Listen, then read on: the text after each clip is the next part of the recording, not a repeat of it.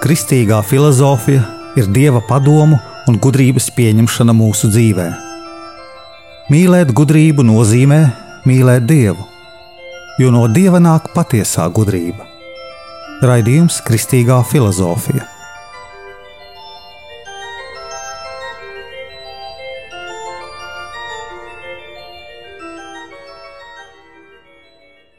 Es esmu Jānis Valtra Vitsenheims, un ar jums ir 52. raidījums Kristīgajā filozofijā.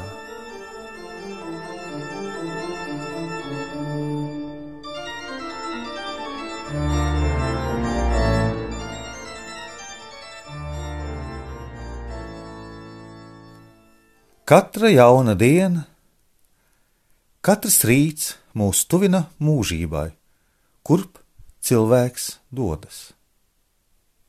Neticīgajam tas saistās ar mūžīgo tumsu, un kad acis vairs neredzēs šo pasauli, ko viņš mīlējis.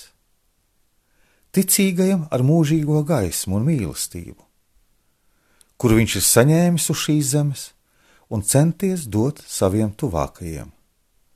Svarīgs ir lēmums, kurp vēlamies doties. Mīli tuvāko kā sevi pašu. Vai mēs neieredzam pasaulīgo vai garīgo, kas ved mūs pie dieva?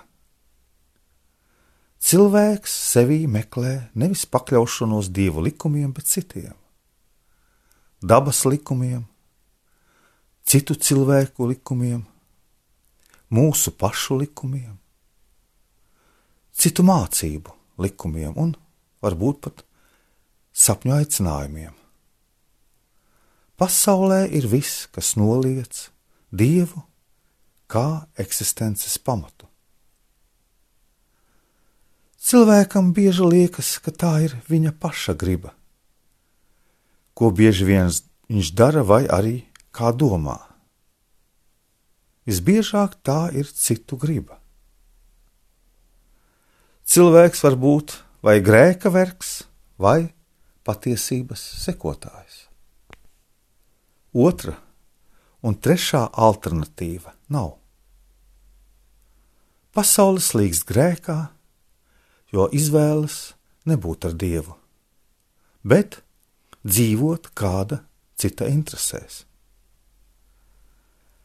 Mēs varam sevi saukt par cilvēku, kad mūsu gars pārvar miesas grēku, kārības, jo Dievs radīja cilvēku tādu, kāds tas bija paradīzē, kur bija tikai dieva likumi, un cilvēks bija bez grēka.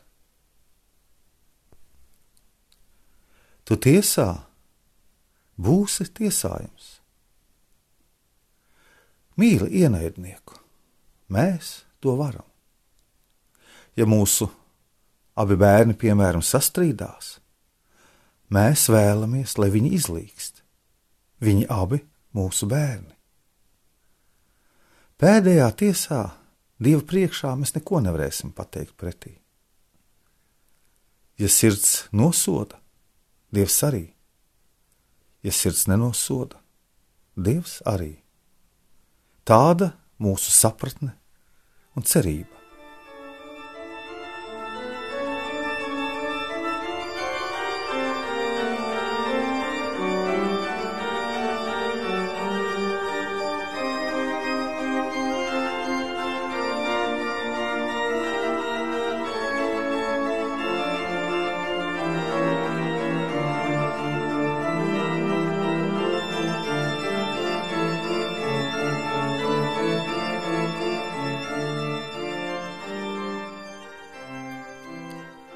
Ja mūsu sirds nosoda. Mūsu sirds baidās no soda. Mēs bieži citus nosodot, var teikt, lasām viņiem morāli. Mēs varētu atcerēties krievu klasiķa Krilova fabulas. Tur pēc fabulas bija morāle kāda ir morāle. Kaut vai viņa fabulā par sienāzi un skudru.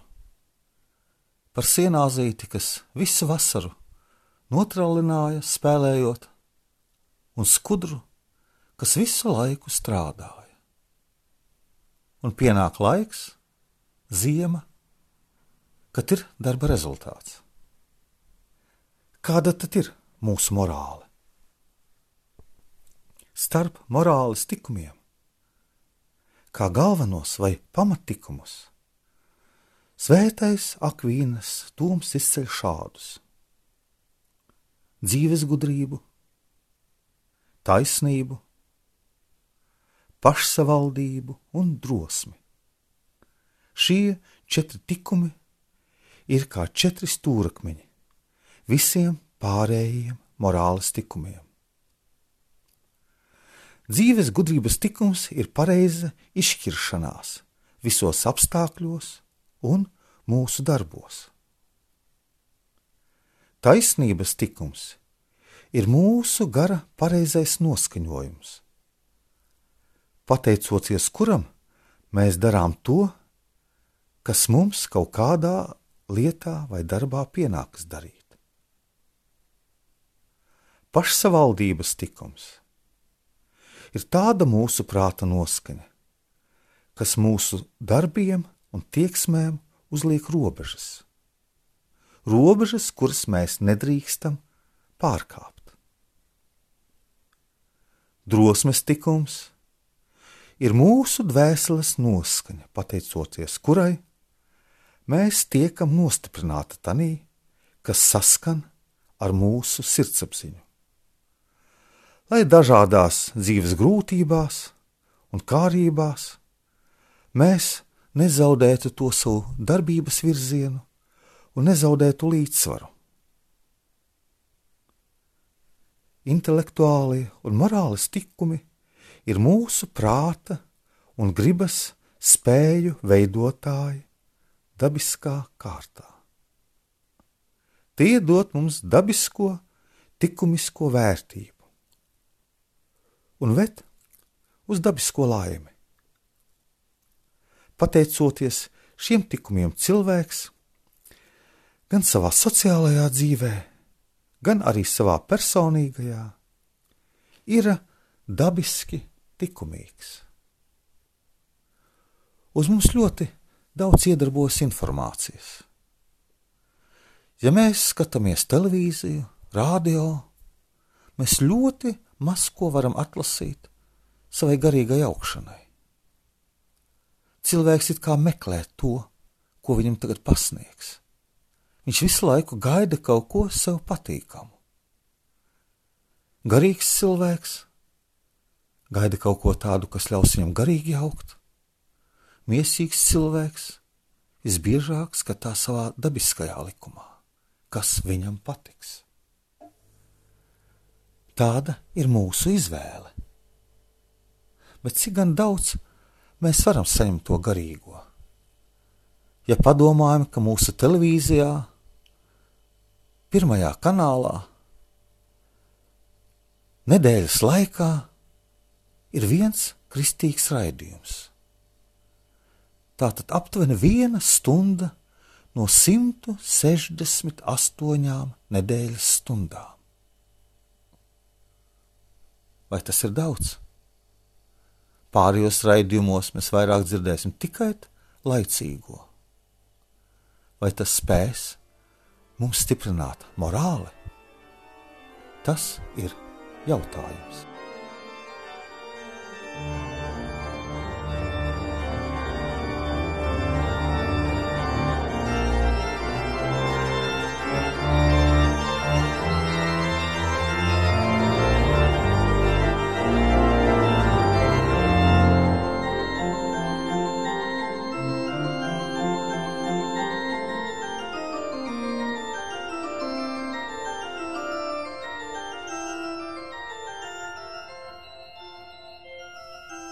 Informācija, kas mūsos ienāk no apkārtējās vides, bieži vien balstās uz naudas peļņu. Tādēļ arī ir tik daudz kanāli, dot mums savas reklāmas. Tie ir masu saziņas līdzekļi, un kristietis droši vien savu šauro ceļu iet pretī masām. Pretī šai lielai straumei, mēģinot saviem tuvākajiem, kas tev iet garām, pasniegt roku, palīdzēt, palīdzēt iet pa šauro ceļu. Tomēr nepietiek, ka cilvēks gan savā personīgā dzīvē, gan arī savā attiecībās ar pārējiem cilvēkiem ir pareizi noskaņots. Virzās pie dieva. Cilvēkam ir pienākums pacelties pāri dabai un ieņemt pareizu stāvokli attiecībā pret dievu. To cilvēks panāk pateicoties teologālajiem tikumiem, kādi ir trīs. Mēs visi kristieši to zinām. Tā ir ticība, cerība un mīlestība. Par teoloģiskajiem šie tikumi tiek saukti tādēļ, ka to objekts ir Dievs,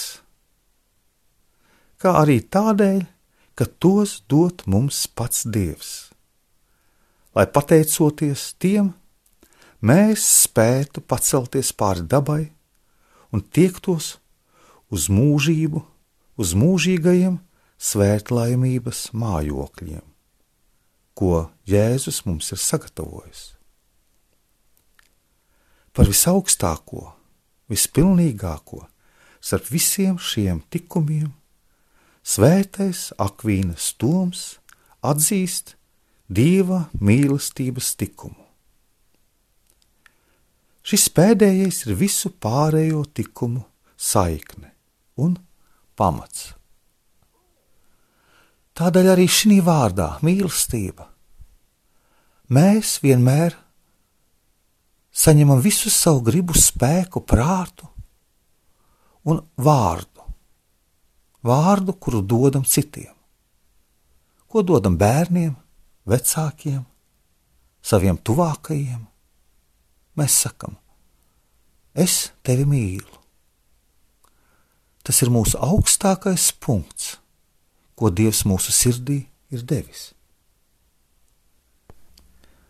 Ja tikums ir pastāvīga noskaņa, kas atbilst darītāja prātīgai dabai, tad netikums ir tāda darītāja noskaņa, kas neatbilst cilvēka dabiskai rīcībai.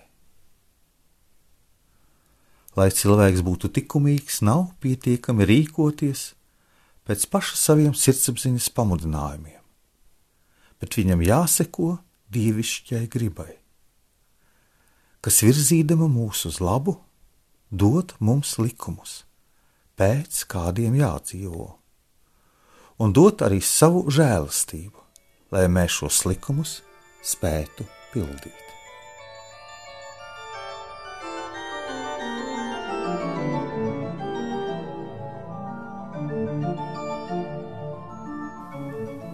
Es esmu Jānis Valtra Vitsenheims, Jeruzalemes Kristus kapa ordeņa bruņinieks. Un ar jums ir kristīgā filozofija, cilvēka morāles tikumi.